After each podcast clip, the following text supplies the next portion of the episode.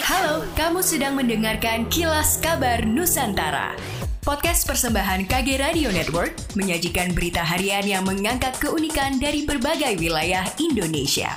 Kilas Kabar Nusantara dapat juga didukung oleh pengiklan loh. Komisi 10 Dewan Perwakilan Rakyat DPR RI merekomendasikan kepada pemerintah Kota Palembang, Sumatera Selatan melakukan upaya tukar guling aset untuk mengembalikan hak pengelolaan objek cagar budaya Benteng Kuto Besar. Anggota Komisi 10 DPR RI Mustafa Kamal saat dijumpai di Palembang mengatakan Benteng Kuto Besar adalah bangunan peninggalan sejarah masa Kesultanan Palembang Darussalam 1776-1803 Masehi yang terletak di tepian Sungai Musi.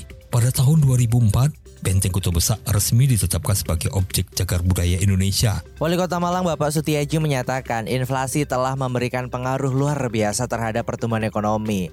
Oleh karenanya mengacu pada tingkat inflasi sebelumnya, beliau menyatakan telah menginstruksikan jajarannya untuk menganalisis dan menentukan langkah agar inflasi dapat dikendalikan.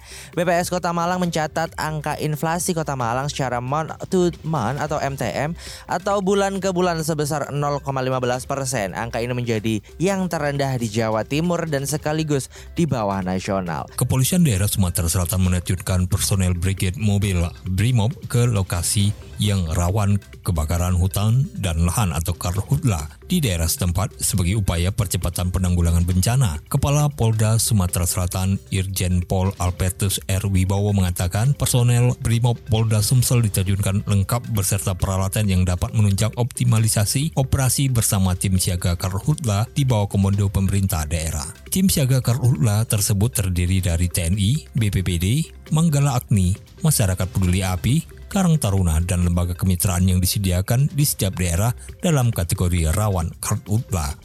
Demikianlah kilas kabar Nusantara pagi ini.